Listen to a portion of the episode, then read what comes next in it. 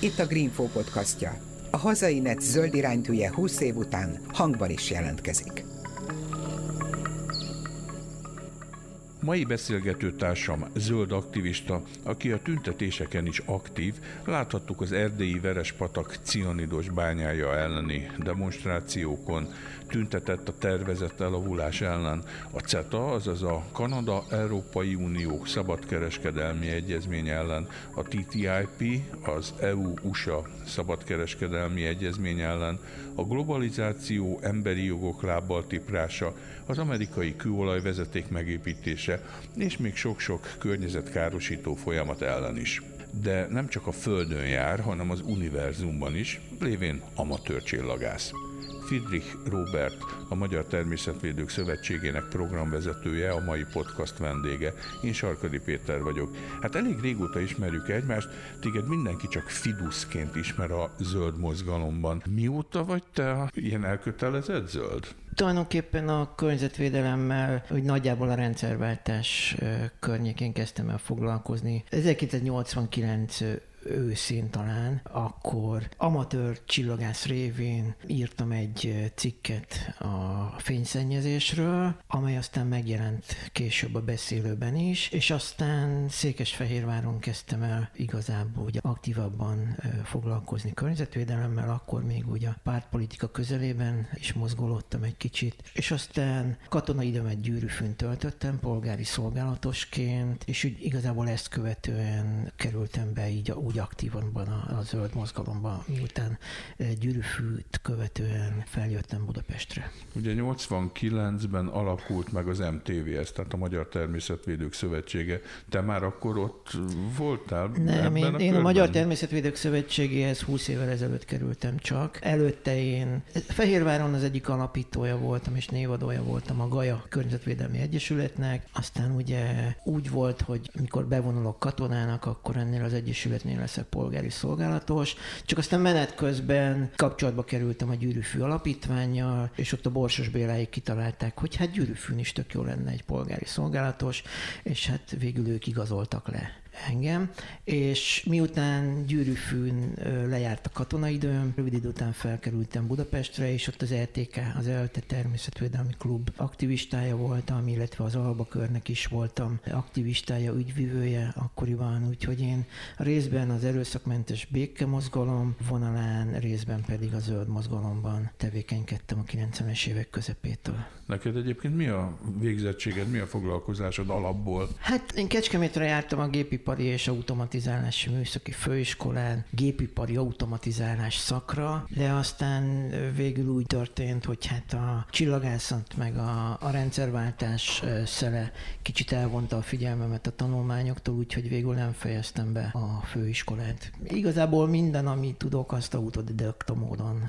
szedtem magamra. És a csillagászat az hogyan jött? 1982 nyarán egy verőfényes nyári délelőtt vagy délután otthon pakolgattam Bakoncsernyén a szobámban a polcokon levő könyvek között, vagy a szekrény mélyén levő könyvek között, és kezembe akadt egy 1953-ban Zerinvári Szilárd által írt könyv, a naprendszer élete. Én azt akkor 12 két éves koromban elolvastam, és akkor úgy beszippantott magába a csillagászat, és hát onnantól kezdve először a hulló csillagok, meteorok megfigyelésével kezdtem el foglalkozni, majd viszonylag rövid idő után a változó csillagoknál kötöttem ki, és hát a, a mai napig rendszeresen foglalkozom változó csillagok megfigyelésével, illetve hát így az elmúlt kilenc évben pedig közel három évtizednyi vizuális megfigyelés után kipróbáltam a, a digitális fotózást, és elindítottam egy vendégcsillagkereső programot, amelynek keretében barátaimmal együtt 50 új változó csillagot fedeztünk fel, köztük a VEND 47 jelű szimbiotikus változó csillagot, amely tényleg egy viszonylag nagy durranás volt három évvel ezelőtt. Tehát ez azt jelenti, hogy mondjuk valami szoftvert csináltatok, ami kiszűri a fotókból, hogy melyik micsoda? Szoftver mi nem készítettünk. Eleinte egy ilyen klasszikus digitális képfeldolgozó szoftver használatával felváltva villogtattuk a képernyőn a friss képet, meg a referencia képet, és akkor minden egyes fényképen több tízzer csillagot kellett így végigböngészni. Na, van-e ott valami új? Az első három vagy négy változott csillagunkat így fedeztük fel egy Várpalota környéki barátommal, német Lacival együtt dolgozva. Aztán valamikor 2013 tavaszán bukkantam rá egy orosz csillagász által írt változott csillagkereső programra, amely azt csinálja, hogy az összes csillagnak a fényességét és pozícióját kiméri a, a program, és akkor ezek alapján nézi, hogy van-e valami változás. És ezt követően már csak az úgynevezett hamis találatokat kell kiszűrni, ami azért minden egyes fotó esetén is a jó pár percet igénybe vehet. Kicsit sziszifuszinak tűnik a történet. Te hol laksz egyébként? Most hivatalosan Pesterzsébeten lakom, de a koronavírus járvány követően ugye lezárták a fél országot, mi is otthonról kezdtünk el dolgozni, és aztán április elején úgy döntöttünk a feleségemmel, párommal, Klárival, hogy ezt a tevékenységet, az otthoni munkát, home office-t, azt a zsámbéki telkünkön is lehetne csinálni, ahol azért jobb a levegő. Csillagászati szempontból Igen, kisebb a fényszennyezés. Jobb, jobb a levegő, nincs akkor a tömeg, talán kevesebb esélyünk van arra, hogy elkapjuk a vírust. Így április elején fogtuk magunkat, és egy csillagász ismerősöm segítségével kicucoltunk Zsámbékra, és azóta is az idő nagy részét most ott töltjük a Zsámbéki telkünkön. Apropó Pest Erzsébeten, ha vagy, akkor azért ugyanúgy tudod az eget kémlelni?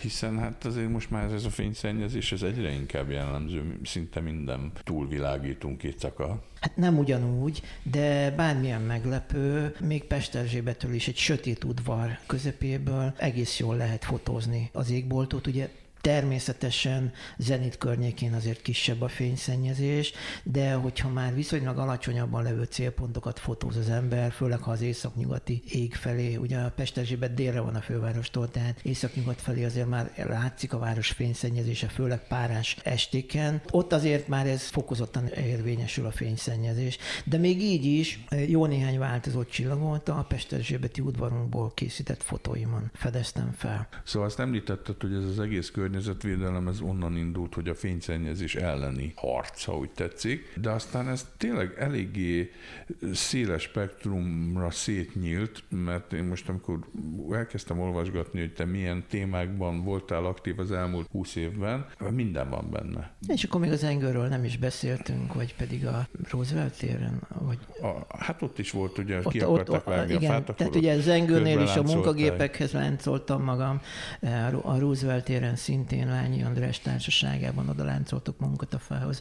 Tehát azért jó néhány ilyen megmozduláson vettem részt. És hogy kerültél az MTVS-hez, tehát a Magyar Természetvédők Szövetségéhez, aminek most a programvezetője vagy? Hát ez egy kalandos út volt, tehát én a főiskola után hosszú éveken keresztül egy fehérvári cégnél dolgoztam telefonhálózat szerelőként, közte volt a gyűrűfű polgári szolgálat, az ökofalut építettük gyűrűfűn. Aztán, mikor fel felkerültem Budapestre, akkor szintén egy darabig még telefonhálózatszerelőként dolgoztam, majd egy néhány hónapos brüsszeli kitérőt követően, ahol önkéntesként dolgoztam a Katonaság Megtagadók Európai Irodájában. Ezt követően a Magyar Madártan és Természetvédelmi Egyesülethez kerültem. Ott körülbelül három éven keresztül dolgoztam. Ott mit csináltál? Egy Tagszerve... amatőr csillagász a madarászok között? Tagszervezeti koordinátor voltam, tehát alapvetően az MME helyi csoportjaival való kapcsolattartás volt az egyik fő tevékenységem,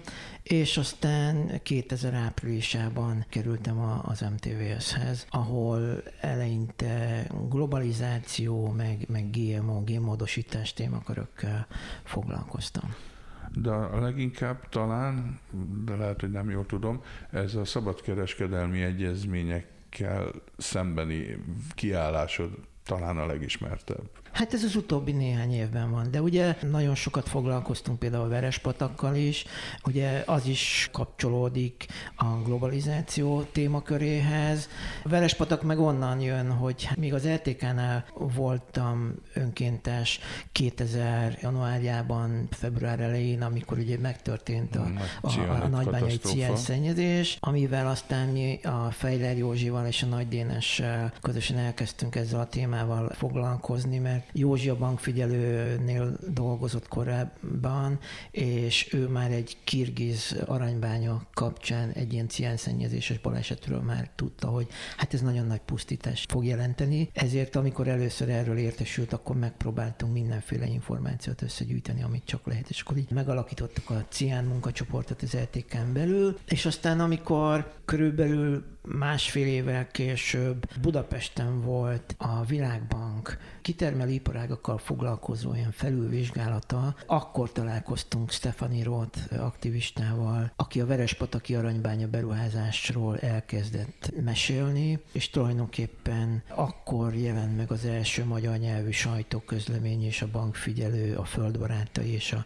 Verespataki Alburnosz Majorok kiadásában James Bond, heroin és cián címmel, amelyet mai napig a Greenphone egyébként meg lehet találni. És hát tulajdonképpen innentől kezdve kezdtem el én eh, a Verespatakkal is foglalkozni.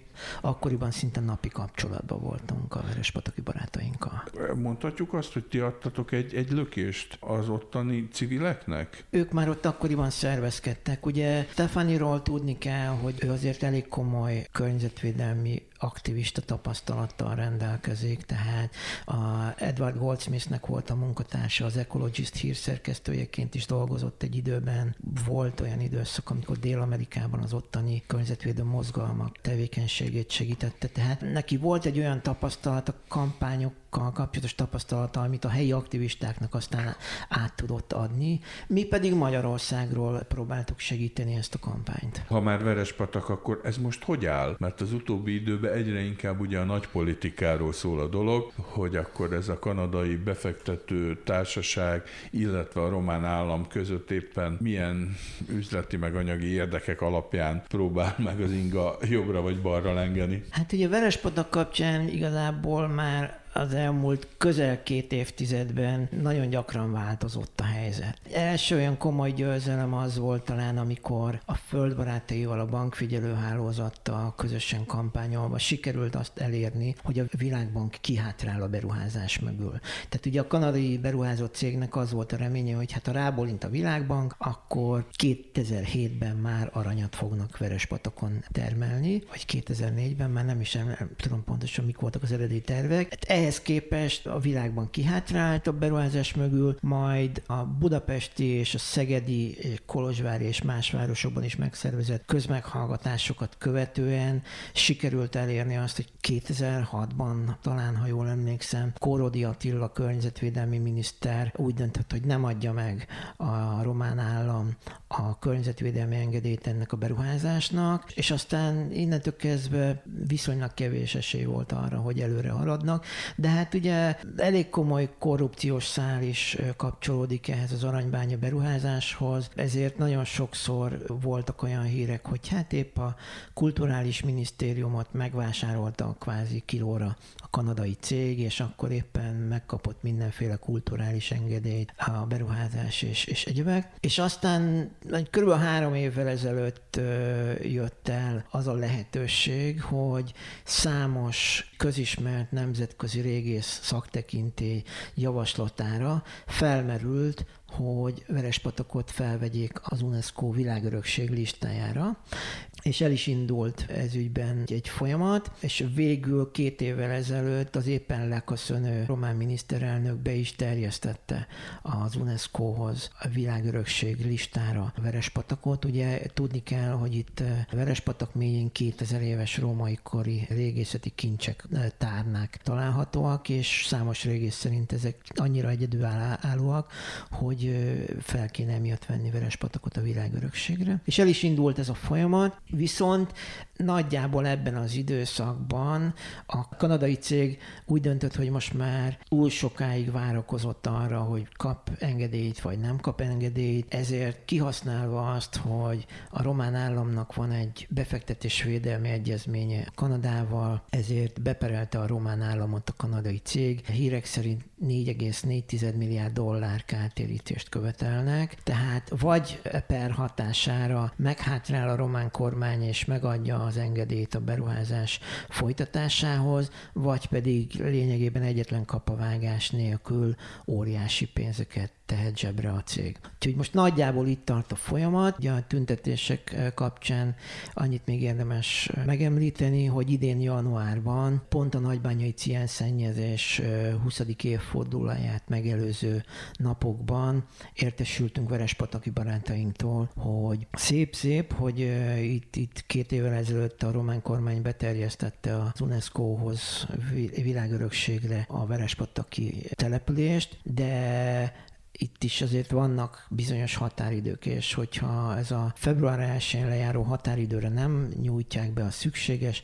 A, a cím elnyeréséhez szükséges, a szükséges dokumentumokat, akkor valószínűleg te, előről kellene kezdeni a folyamatot, és lehet, hogy akkor innentől kezdve veszélybe kerülne a, a beruházás. Úgyhogy hatalmas nagy tüntetések kezdődtek Verespatokon, mi is szerveztünk egy szolidaritási akciót a román követség elé, és körülbelül másfél órával a demonstráció előtt értesültünk róla, hogy a román kormány valószínűleg a civilek felül érkező nyomás hatására lehet, hogy még a mi háttérben való lobby tevékenységünk is belejátszott, de végül úgy döntött a román kormány, hogy az utolsó pillanatban beadja az UNESCO-hoz a megfelelő dokumentumokat. Úgyhogy most jelenleg itt tartunk, ha szerencsénk van, akkor néhány hét múlva az UNESCO meg fogja hozni a döntést arról, hogy Verespatak felkerül a világörökségre.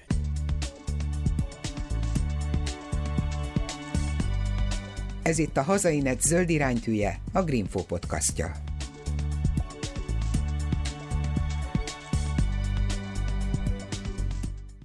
Van két rövidítés, a CETA és a TTIP. Az egyik az a Kanadai Európai Unió szabadkereskedelmi egyezménynek a rövidítése, a másik pedig az EU-USA szabadkereskedelmi egyezménynek a rövidítése. Mindkettő ellen demonstráltok már régóta. Mi ez a két egyezmény, és, és miért veszélyes ez? Ami először a mi esetünkben képbe került, az a TTIP, TTIP, Transatlantic eh, Trade Investment Partnership, tehát a transatlanti kereskedelmi és befektetési partnerség. Ez az EU és az Egyesült Államok között tervezett szabadkereskedelmi egyezmény. A CETA az pedig a Comprehensive Economic and Trade Agreement, tehát az átfogó gazdasági és kereskedelmi eh, egyezmény az EU és Kanada között. Hét évvel ezelőtt értesültünk arról, hogy megindultak a tárgyalások az EU és az Egyesült Államok között, és hát korábbi globalizációhoz, kereskedelmi világszervezethez, vagy a több mint két évtizeddel ezelőtt megjósult multilaterális befektetési egyezménnyel kapcsolatos, a maival kapcsolatos tapasztalataink alapján láttuk, hogy hát ez, ez, ez valószínűleg komoly problémát fog okozni ez az egyezmény. Ahogy egyre többet megtudtunk róla, kiderült, hogy hát igazából ezeknek az egyezményeknek a fő célja az, hogy felszámoljanak minden úgynevezett úgynevezett nem vámjellegű kereskedelmi akadály. Tehát minden olyan környezetvédelmi, élelmiszerbiztonsági, munkavédelmi, stb. szabályt és intézkedést, amely, amely tulajdonképpen a multinacionális tőke útjában áll. Tehát lényegében mindaz, amit környezetvédelem, élelmiszerbiztonság terén elértünk az elmúlt évtizedekben, ez veszélybe kerül. És ezért kezdtünk el foglalkozni először a TTIP-pel, tehát az EU-USA szabadkereskedelmi egyezménnyel, majd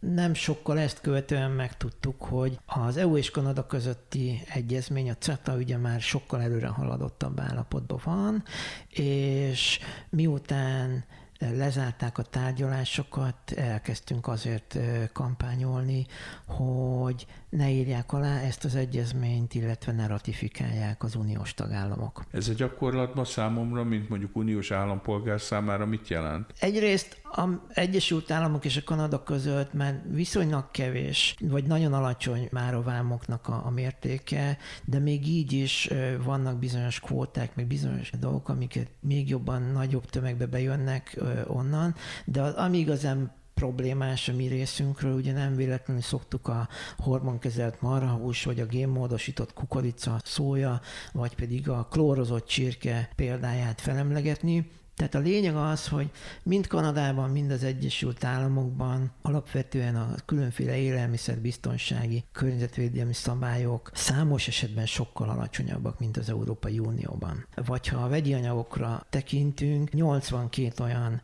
vegyi anyag van az Egyesült Államokban engedélyezve, amelyeket Európában rákeltő és egyéb egészségkárosító hatásaik miatt betiltottak. Tehát tulajdonképpen ezek az egyezmények úgymond felszámolnák azokat a korlátokat, amelyek eddig akadályozták, hogy ezek a termékek bejussanak az európai piacra. Tehát még több génmódosított élelmiszer, hormonkezelt csirke, hormonkezelt marhahús jutna be az európai piacra. Pontosabban eddig ugye az Európai Unió tiltotta a hormonkezelt marhahús importját, vagy pedig bejönne például a, a klórozott csirke, vagy más ilyen vegyi anyagokkal kvázi fertőtlenített hústermékek az európai piacra. A másik fel a történetnek pedig az, hogy hogy különféle ilyen mezőgazdasági és élelmiszeripari termékek így el tudnák árasztani az európai piacot. Ez bizony az európai kistermelőket is hát komoly, hátrányba, hozná. komoly hátrányba hozná.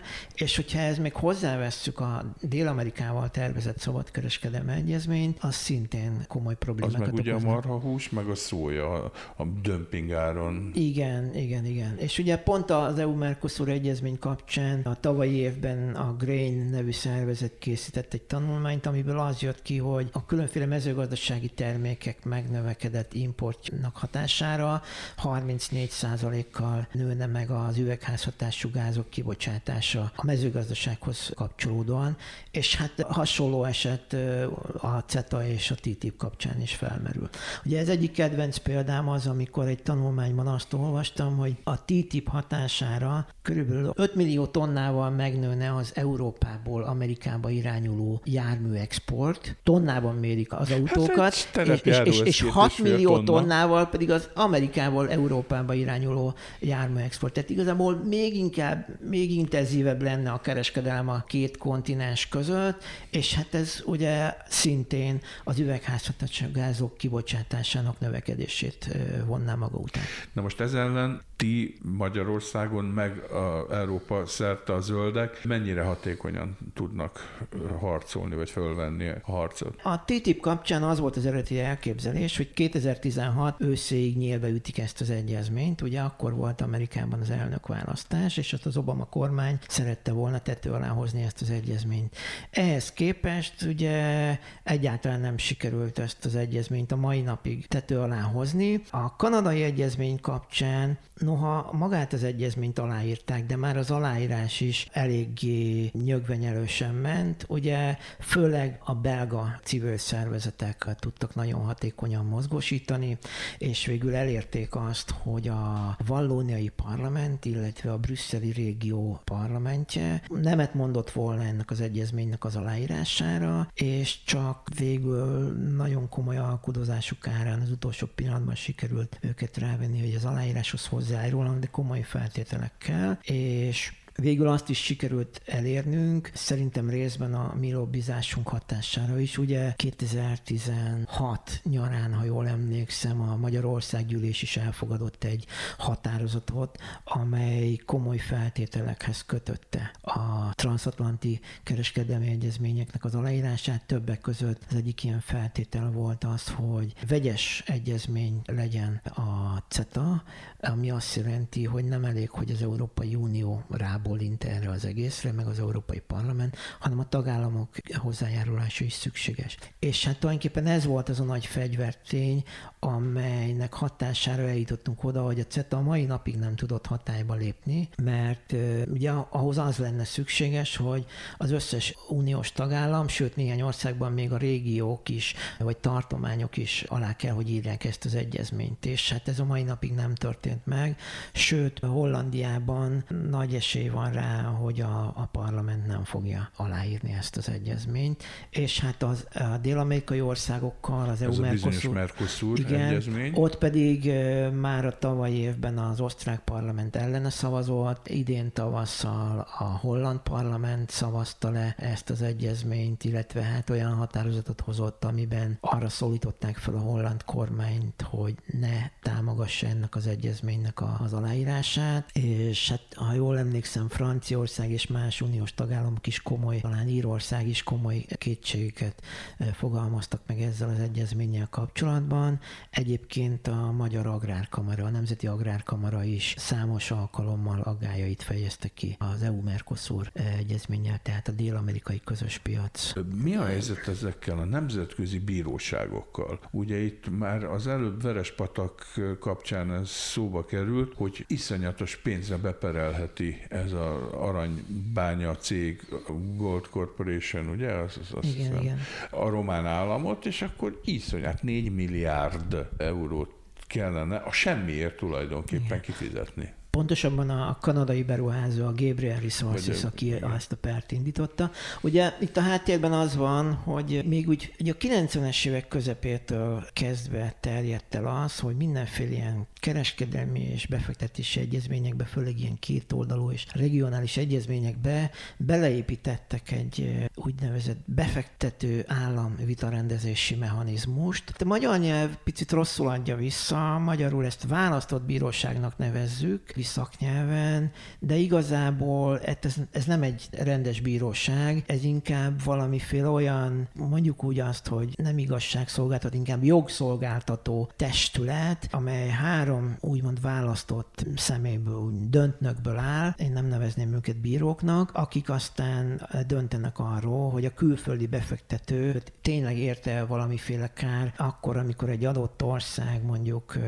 az emberek egészsége vagy környezetünk érdekében meghozott valamiféle döntést. Nem véletlen az, hogy például George Monbiot a Guardianben offshore bíróságoknak nevezte ezt a rendszert. Tehát itt tulajdonképpen az igazságszolgáltatást nemzeti hatáskörből kvázi privatizálják, kiszervezik egy ilyen nagyon szűk testület körébe, ahol nagyon sokszor azok, akik egy ilyen ISDS-nek hívják angolul befektető állam vitarendezési mechanizmust, egy ilyen ISDS per kapcsán néha kvázi ilyen a döntő testület tagjaként szolgálnak és hoznak döntéseket egy adott állam ellen, máskor pedig jogászként a befektető céget képviselik. Tehát ilyen forgóajtók léteznek. De erre már volt az példa, hogy nagyobb büntetéseket vagy összegeket megítéltek. Igen, igen. Hát idén tavasszal éppen készítettem egy ilyen összegzést, amelynek az jött ki eredményeképpen. Ugye jelenleg annyit tudunk, hogy az elmúlt két és fél évtizedben több mint ezer alkalommal perelték be külföldi befektetők már az egyes országokat ilyen befektetési egyezményekben, kereskedelmi egyezményekben elrejtett mechanizmuson keresztül. Körülbelül 200 23 vagy 227 ügyről tudunk, ahol konkrét adatok is vannak, és a befektető javára döntöttek, vagy pedig perenkívüli megállapodás született. Összesen eddig több mint 100 millió dollár kártérítést kellett, hogy fizessenek a különféle államok. Ugye itt nagyon sok esetben fejlődő országok a kárvallottjai. Ezek milyen típusú bányászati jog, vagy milyen területen? Az egyik ilyen híres eset még a NAFTA, az Észak-Amerikai Szabadkereskedelmi Egyezmény hatás hatására perelték be Kanadát egy Etiocorp nevű amerikai cég. Ott például az volt a, a, a pernek a tárgya, hogy Kanada betiltott egy üzemanyag adalékot, vagy valami hasonló, tehát egy nagyon egészségkárosító üzemanyagot, és emiatt nem tudom hány millió, vagy százmillió dollár kártérítést kellett, hogy fizessenek. De volt olyan eset is, amikor például a Chevron Ecuador államot perelte be, azért, hogy elkerülje azt, hogy környezetkárosító tevékenysége miatt bírságot kelljen fizetnie. Tehát tulajdonképpen az ekvadori állampolgárok... Azért kezd... fizettek, hogy ne szennyezzék őket. Hát, először is az ekvadori állampolgárok beperelték a, a, a Chevront a hazai bíróságon, a bíróság el, elítélte a, a Chevron, és aztán emiatt az ítélet miatt pedig beperelte a Chevron egy ilyen washingtoni székhelyű testületnél az ekvadori államot. És ott nem véletlen az, hogy most már már Ecuador és Dél-Afrika is úgy döntött, hogy felmondja azokat az egyezményeket, amelyekben ez a befektető állam vitarendezési mechanizmus szerepel, mert rájöttek, hogy sokkal több kár éri őket, mint amennyi hasznot hoznának a külföldi befektetők. Na de ezt elméletileg akkor minden ország felmondhatja, és akkor kész, nincs, nincs ilyen intézmény, pont. Ez, lenne a, ez lenne a cél, pont, pont ez volt az egyik célja egyébként a, a Stop ISDS kampánynak, amelynek keretében kb hogy 700 ezer aláírás gyűjtöttünk össze a tavalyi évben. Én úgy gondolom, hogy egyre inkább nyilvánvalóvá válik, hogy ez az offshore bírósági rendszer, ez, Hát ez ez, csak a ez, ez, ez érdekét csak a multik szolgálja. érdekét szolgálja, úgyhogy mi bízunk benne, hogy sikerül elérni azt, hogy a, a világ államai végre felmondják az ilyen egyezményeket. Csak nekem így laikusként az a fura a történetben, hogy tehát gyakorlatilag én fizetek azért, hogy ne szennyezzék a környezetemet, és hát mondjuk azt lehet valahol forintosítani, hogy az X cégnek mennyi a kieső nyeresége, hogyha ez a technológiáját betiltják. De azt már jóval nehezebb nekem bebizonyítanom a bíróságon, hogy ezzel mennyit nyerek én, hogy nem szennyezi a környezetet, mert hát mondjuk a levegő meg a vízminőséget, azt hogyan forintosítom, hogy elszennyeztünk egy köbmétert.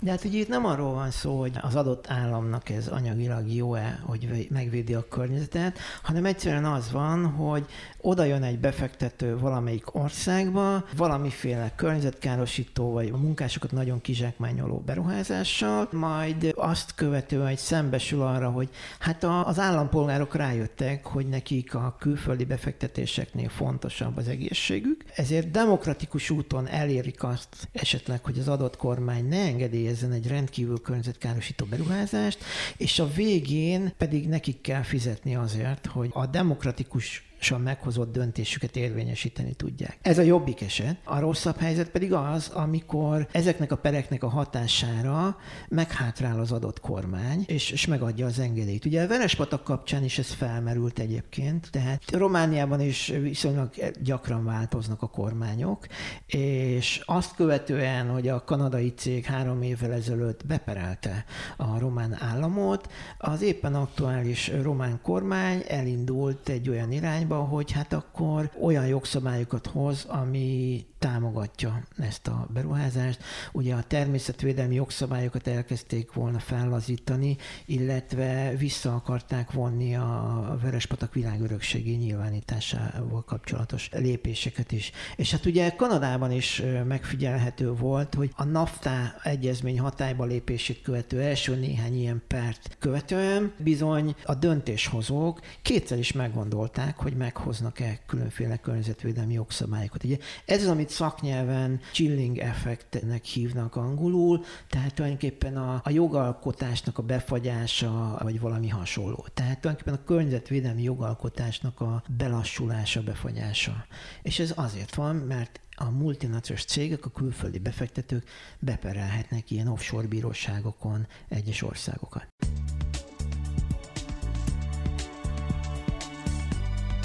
Ez itt a Hazainet zöld iránytűje, a Greenfo podcastja.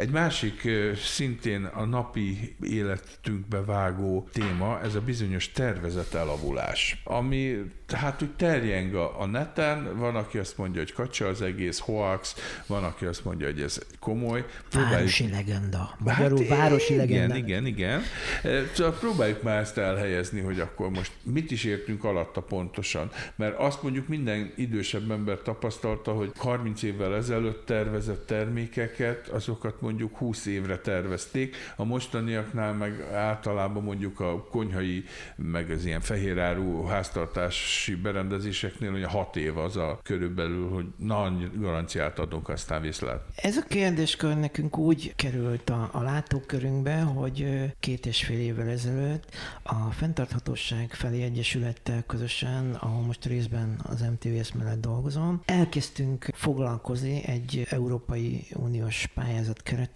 több külföldi partnerrel közösen a különféle elektronikai eszközeink környezet és társadalmi hatásaival. És ugye szembesültünk azzal, hogyha egy teljes életútját nézzük a különféle elektronikai eszközeinknek, okostelefon, számítógép, tablet, stb., akkor kiderül, hogy hát maga az adott eszköznek a elkészítéséhez felhasznált különféle nyersanyagok kibányászása, maga az összeszerelési folyamat, majd a használat, és a végén az elektronikai hulladéká válási folyamat, ez a teljes élete az elektronikai eszközeinknek, ez mind nagyon komoly környezet és társadalmi problémákkal jár. Ugye? Az előbb beszéltünk Verespatak kapcsán az aranybányáról, ugye az okostelefonokban, számítógépekben bizony jelentős mennyiségű arany található, de egyéb úgynevezett konfliktus, konfliktusos ásványok is, amelyeket ugye többnyire Kongóban bányásznak, vagy ritka földfémek, amelynek a bányászata Kínában komoly környezetszennyezéssel jár, de elég, hogyha a lítium-ion akkumulátorokra gondolunk, amelyben egyrészt kobalt van, amelyet ugye Kongóban gyerekmunkával bányásznak ki, a másik fele az akkumulátoroknak, ugye, vagy másik jelentős alkotó része, az pedig a lítium, amely mondjuk Csillében szintén nagyon komoly környezetszennyezést okoz az Atacama sivatagban az ott élő őslakosoknak a, a, a földjeit szennyezi el, és a földművelést teszi tulajdonképpen lehetetlenni azáltal, hogy óriási mennyiségű víz szennyeződik el a lítiumbányászat során. És hát ugye aztán maga az összeszerelés kapcsán is ugye most egy viszonylag friss történet, svéd partnerünk, a Swedwatch egyik tanulmányából az derült ki, hogy Fülöp-szigeteken és az összeszerelő üzemekben dolgozó nők között vetélés, meg mindenféle rákos megbetegedések fordulnak elő. Ugye meg korábban is tudtunk dél koreai, kínai példákról, ahol mindenféle veszélyes vegyi anyagokat lélegeznek be ezekben az összeszerelő üzemben az emberek, és hát ugyanezek a veszélyes vegyi anyagok pedig az elektronikai hulladék lerakó telepeken, Kínában, Gánában szintén elszennyezik a talajt, és megbetegítik az embereket. Tehát így egy komoly környezetszennyezéssel jár az egész életciklusa, az egész életútja az elektronikai eszközöknek, és egy idő után arra jöttünk rá, hogy az egyik legjobb módja talán annak, hogy csökkentsük az elektronikai eszközeinkhez kapcsolódó környezetszennyezést, hogyha megpróbáljuk azt elérni, hogy minél hosszabb élet tartalma legyen ezeknek az eszközöknek, és akkor jöttünk rá, hogy hát az egyik fő probléma itt a tervezett elavulás. Ugye, hogyha megnézzük egy okos telefont, jelenleg az a trend, hogy körülbelül másfél-két évente az emberek lecserélik, mert vagy tönkre megy, vagy pedig kijön egy újabb modell, esetleg egyszerűen csak esztétikailag vagy szoftveresen válik elavultá, és akkor az ember új készüléket vesz, és ami eddig volt, az pedig elektronikai hulladékként végzik. Ugye ezt hívják lélek lélektani elavulásnak. Erkölcsi elavulás, lélektani elavulás sokféle módon lehet ezt definiálni. De meg is tesznek ezért mindent a gyártók. Ha csak arra gondolok, hogy a legújabb mobiltelefonokban nagyon körülményes, sőt sokszor nem is lehet cserélni az akkumulátort. Pedig hát lehet, hogy csak az aksi döglött be maga a telefon, meg oké. Okay. Régen csak kész kicserélted. Igen, és hát ugye annak kvázi a bizonyítéka, hogy ez a tervezett elavulás nem csak egy városi legenda, pont az, hogy valamikor másfél évvel ezelőtt maga az Apple volt kénytelen be is ismerni, miután néhány eh, hacker rájött arra, hogy hát azért lassulnak be az Apple-nek a telefonjai másfél-két év használat után, mert tulajdonképpen az akkumulátor előregszik, és hogyha kicserélik benne az akkumulátort, akkor már is ugyanúgy működőképes lesz a telefon, és nem lesz lassú, és kénytelen volt az Apple is beépíteni, hogy bizony ezt ők szándékosan lassítják be. Úgymond a felhasználói élmény biztosítása, vagy valami hasonló marketing dumát eh, mondtak. Tehát tulajdonképpen egy 29 dolláros akkumulátor cserével meg lehetett volna oldani, de mi, ugye mivel ezt elhallgatta a, a gyártó a felhasználók előtt, ezért a gyártók több száz dolláros új készüléket voltak kénytelenek eh, vásárolni. És hát az elmúlt másfél-két évben több ítélet is született ez ügyben. Olaszországban a Fogyasztóvédelmi Hatóság a Samsungot 5 millió, az Apple-t 15 millió euróra büntette, pont a telefonok szándékos lassítása miatt, majd Franciaországban néhány hónappal ezelőtt pedig 25 millió euróra büntették az Apple-t azért, mert szándékosan lassítja a telefonokat. Hát és az a helyzet, hogy az nekik zseppénz. Igen, Semmi. de ugye ez arra egyfajta bizonyíték, hogy bizony a cég szándékosan lassítja és szándékosan károsítja meg a felhasználókat. Úgyhogy ezért indítottuk mi a Fenntarthatóság felé Egyesület és a Magyar Természetvédők Szövetsége körülbelül másfél évvel ezelőtt küldött el azt a petíciót, amelynek két fő célkitűzése van. Az egyik az, hogy legyen büntethető cselekmény a tervezett elavulás alkalmazása, a másik fő követelésünk pedig, hogy a tartós fogyasztási cikkek kötelező jótállását a jelenlegi egy évről emeljék fel fokozatosan öt évre, majd, majd hosszabb távon tíz évre. És hát végül több mint 15 ezer aláírást sikerült összegyűjtenünk, elkészítettünk egy 13 plusz 1 pontból álló javaslat csomagot, amelyben különféle javíthatóságra és, és egyéb dolgokra plusz ugye a tervezett elavulás büntethetőségére vonatkozó javaslataink is szerepelnek, amért eljuttattunk az igazságügyi minisztériumhoz, innovációs és technológiai minisztériumhoz, stb. És hát úgy tűnik, hogy talán az első kezdeti sikereket sikerült is elérnünk ezzel a kampányjal, mert június 10-én bejelentette az Innovációs és Technológiai Minisztérium, hogy a jövő évtől sávosan növekedni fog a tartós fogyasztási cikkeknek a kötelező jótállási ideje 100 ezer forint és 250 ezer forint értékhatár között két év lesz, és 250 ezer forintnál drágább eszközök esetén pedig három év lesz az a, alap a, a, a kötelező jótállás. Amire aztán mondjuk külön plusz pénzért még a különböző gyártók adnak extra garanciákat. Mondjuk hadd legyek akkor az ördög ügyvédje, hogy a gyártók viszont, mondjuk az ilyen konyhai meg háztartási gépgyártók azt mondják, hogy de hát kérem, azért cseréljétek le mondjuk öt évente a készülékeiteket, mert hogy mi folyamatosan innoválunk, fejlesztünk, jóval kisebb energiafelhasználású okos masinákat gyártunk, ezáltal neked megtérül, hogyha A++ kategóriást veszel, mint hogyha mondjuk egy C-set vennél, ami már mondjuk nincs mondjuk akkor egy sima ásat, mert hogy megéri neked.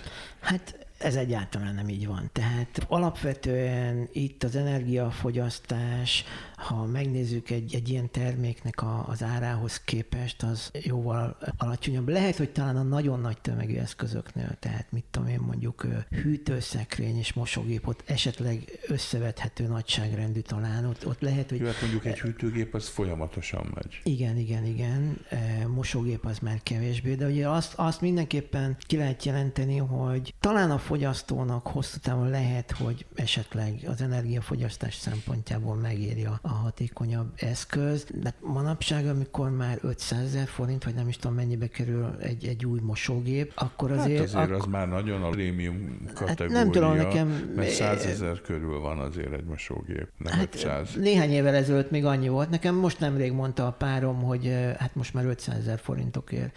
A több, top, top minőség, tehát a, a lényeg az, az lehet, hogy, hogy annyi. Több, most, már, most, már, most már 100 ezer forint alatt valószínűleg nem fogsz mosógépet kapni, és azért ki lehet számolni, hogy hány éven keresztül kell neked használni a mosógépet ahhoz, hogy 100 ezer forintnyi áramszámlát generálj. Az szinte biztos ugyanakkor, hogy ha teljes életútelemzést nézünk, tehát a teljes ökológiai lábnyomát, ökológiai hátizsákját nézzük meg mondjuk egy számítógépnek vagy egy mobiltelefonnak, akkor például kiderül az, hogy maga az energia felhasználás, tehát a használat során használt energia miatti ökológiai lábnyom, az körülbelül egy tizede a teljes életútnak. Tehát tulajdonképpen egy okostelefon esetében a teljes életútra vetített energia felhasználás, vagy ehhez kötődően a karbon lábnyom a készüléknek, annak 85-90 százaléka a gyártáshoz kötődik. Tehát tulajdonképpen, hogyha egy-két évvel meghosszabbítjuk egy készüléknek az élettartamát, akkor akkor óriási mennyiségű üvegházhatású gáz kibocsátást tudunk megsporolni. Még hát egyébként miért kell az embernek másfél-két évente 40-50, 150-200 ezer forintot kidobni egy telefonért, hogyha esetleg megoldható egy egyszerű akkumulátor cserével pár ezer forintból, vagy ha véletlenül az a készülék eh, nem bírja ki a gravitációt, és eh, a kijelző megrepedés összetörik, akkor is pár ezer forintból lehet már rendelni az interneten. Jó, tehát ez a gyártó és, érdeke, és, hogy hát, minél több saját magunk tudjon is adni, hát ez erről szól csak. Hát, a, igen, a felhasználónak... meg a fiatalokat főleg folyamatosan lehet bombázni a reklámokkal, vedd meg, mert akkor vagy trendi. Szerintem sokkal nagyobb probléma az, hogy nincs megoldva a recyclingja ezeknek a termékeknek. Tehát elméletileg ugye visszaváltják, meg összegyűjtik, meg szakszerűen újra hasznosítják, de azért a gyakorlat azt mutatja, hogy még Európából is a hulladék fel az illegális úton valahol kiköt Gánában, ahol embertelen környezetben, meg Kínában, ahol hát tényleg nulla környezetvédelmi, meg munkaegészségügyi előírások mellett szétverik, leégetik, brutális. Nem véletlen az, hogy most már egyre több szakember azt mondja, és a témával foglalkozó aktív civil szervezetek is, hogy ez az úgynevezett újrahasznosítás, ugye, amit angolul recyclingnak nevezünk, ezt tulajdonképpen mondjuk az utolsó előtti lépcső lehet. De ennél sokkal hatékonyabb és jobb megoldás az, amikor a, a még használható alkatrészeket, e, részegységeket megpróbáljuk hasznosítani az eszközöknél, de a legjobb pedig az, hogy mindent megteszünk azért, hogy maga az adott készülék a lehető leghosszabb ideig használható legyen. Tehát az élettartamokat hosszabbítjuk meg. Nem véletlen az, hogy az utóbbi években felerősödött például Európában a Right to Repair kampány, tehát ami a javíthatósághoz való jogot tűzi ki célul, és talán nem véletlen az, hogy az elektronikai eszközök környezeti hatásaival foglalkozó holland kis civil szervezetből kinőtte magát a Fairphone nevű cég, amely ugye először arra fókuszált, hogy ilyen konfliktusmentes forrásokból szerezzék be a telefonokhoz felhasznált nyersanyagokat, majd egy idő után eljutottak arra, hogy moduláris felépítésű telefont készítenek. Lego telefon. És lehető leghosszabb ideig lehessen használni az ő készülékeiket, és hát nem véletlen az, hogy ez a cég nem fél évente dob piacra újabb termékeket, hanem több év után, miután már a Fairphone 2 utolsó darabja is elfogyott, ekkor dobták ki valamikor tavaly össze a piacra a Fairphone 3-at, amely már a hazai sajtóban is megjelent, miután az, az iFixit nevű csapat 10-ből 10 pontot adott arra, hogy a legkönnyebben javítható telefon. Tehát ez egy olyan telefon, amit a cég Magyarországon is néhány ismerősömnek már van ilyen telefonja, amit a cég úgy küld neked, miután megrendeled, hogy egyrészt javíthatósági útmutató van benne, és még egy csavarhúzót is mellékelnek. Tehát egy egészen más filozófiája van ennek a mondjuk úgy, hogy talán kisvállalkozásnak, amelyet én inkább egy, egyfajta társadalmi vállalkozásnak neveznék, mint profitorientált cégnek. Tehát ma már vannak olyan szereplők azért a piacon is, amelyek természetesen ilyen civil szervezet, meg társadalmi vállalkozás irányból indultak, amelyeknek nem az a célja, hogy másfél évente új készüléket adjanak el neked, hanem az, hogy lehetőleg annyi ideig tudjad használni a telefonodat, ameddig csak tudod. És egy másik ilyen példa, ami egyelőre még csak induló vállalkozás, de, de hallani már lehetett róla, egy franciaországi cég pedig pár évvel ezelőtt olyan ígéretet tett, hogy olyan hűtőszekrényt fognak gyártani, amelyre 50 év garanciát adnak majd. Mint a régi szovjet klasszikus darabok, amik évtizedeken átmentek. Tehát igazából én úgy gondolom, hogy alapvetően, hogyha a fogyasztóknak vagy felhasználóknak a, a gondolkodása megváltozik, és a felhasználók részéről egyre több olyan igény van, hogy javítható, lehetőleg moduláris felépítésű és hosszú életű készüléket szeretnénk, akkor talán, és erre még akár a jogszabályi környezetet is meg tudjuk változtatni, vagy lehet még egy olyan lépés, hogy Nyugat-Európában egyre inkább elterjed az úgynevezett repair café jelensége, tehát ilyen úgynevezett közösségi javító műhelyek jönnek. És mondjuk ezt lehetne elektronikai eszközök, mobiltelefonok, stb. kapcsán is, hogy mindenféle ilyen klubok keretében néhány hozzáértő szakember segítségével az éppen valamiért használhatatlanná vált telefonomat mondjuk közösen megjavítjuk.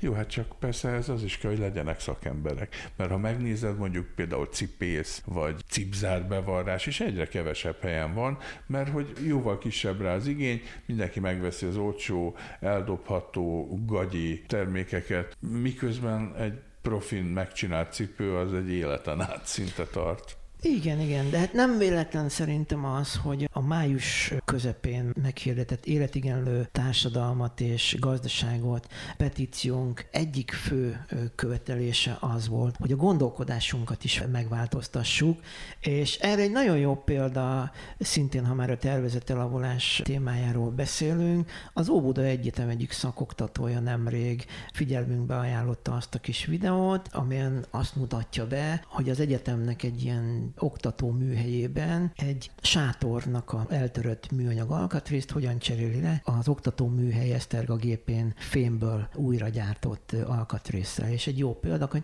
ez viszont valószínűleg nem egy hétig, vagy egy évig, vagy másfél évig fogja tartani a, azt a sátrat, hanem valószínűleg éveken vagy évtizedeken keresztül nagyobb valószínűséggel az azt körülvevő egyéb alkatrészek előbb fognak tönkre menni, mint ez az újra gyártott alkatrész.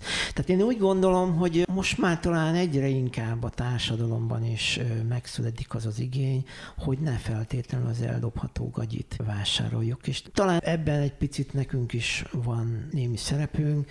Egyik ilyen kedvenc példám az az, hogy tavaly ősszel az Ökofilm Klubban vetítettünk le egy ilyen tervezetelavulással kapcsolatos filmet, és aztán az ezt követő beszélgetés után néhány hónappal megkeresett néhány ilyen zöld politikus ismerősünk, hogy hát ott náluk a flottát cserélnek, mobiltelefonos flottát, és az új flotta csomagban nem fog szerepelni az a kedvezményes lehetőség, hogy szinte ingyen hozzájuthassanak új telefonhoz a flotta tagok, hanem a meglévő telefonjaikat fogják használni, illetve néhányan pedig szerettek volna közösen Fairphone 3-at beszerezni a holland gyártó cégtől. Remélem, hogy azóta sikerült is nekik. Na hát akkor minden szinten megy a szemléletformálás. Akit az iminti beszélgetésben elhangzottak részletesebben érdekelnek a különböző programok, meg demonstrációk, szemléletformálás, azoknak ajánlom a Magyar Természetvédők Szövetségének a honlapját, ez a www.mtvs.hu címen érhető el, mert hogy ugye az MTVS programvezetője Friedrich Robert volt a mai beszélgetőtársam. Köszönöm szépen a beszélgetést. Én Sarkadi Péter voltam, a Greenfo podcastja pedig egy hét múlva jelentkezik. Önök a Greenfo podcastját hallották. Ha kíváncsiak a következő részekre, iratkozzanak fel ránk. Honlapunkon a 120 ezer tételes napi sajtószemle mellett a 20 év alatt megjelent 44 ezer cikket is megtalálják, ahogyan az összes napra készen tartott rovatunk bejegyzéseit is. Várjuk a 13 és fél ezres Facebook táborunkban, a vasárnapi hírleveleink olvasói között, és akár szerzőként, sőt, támogatóként is.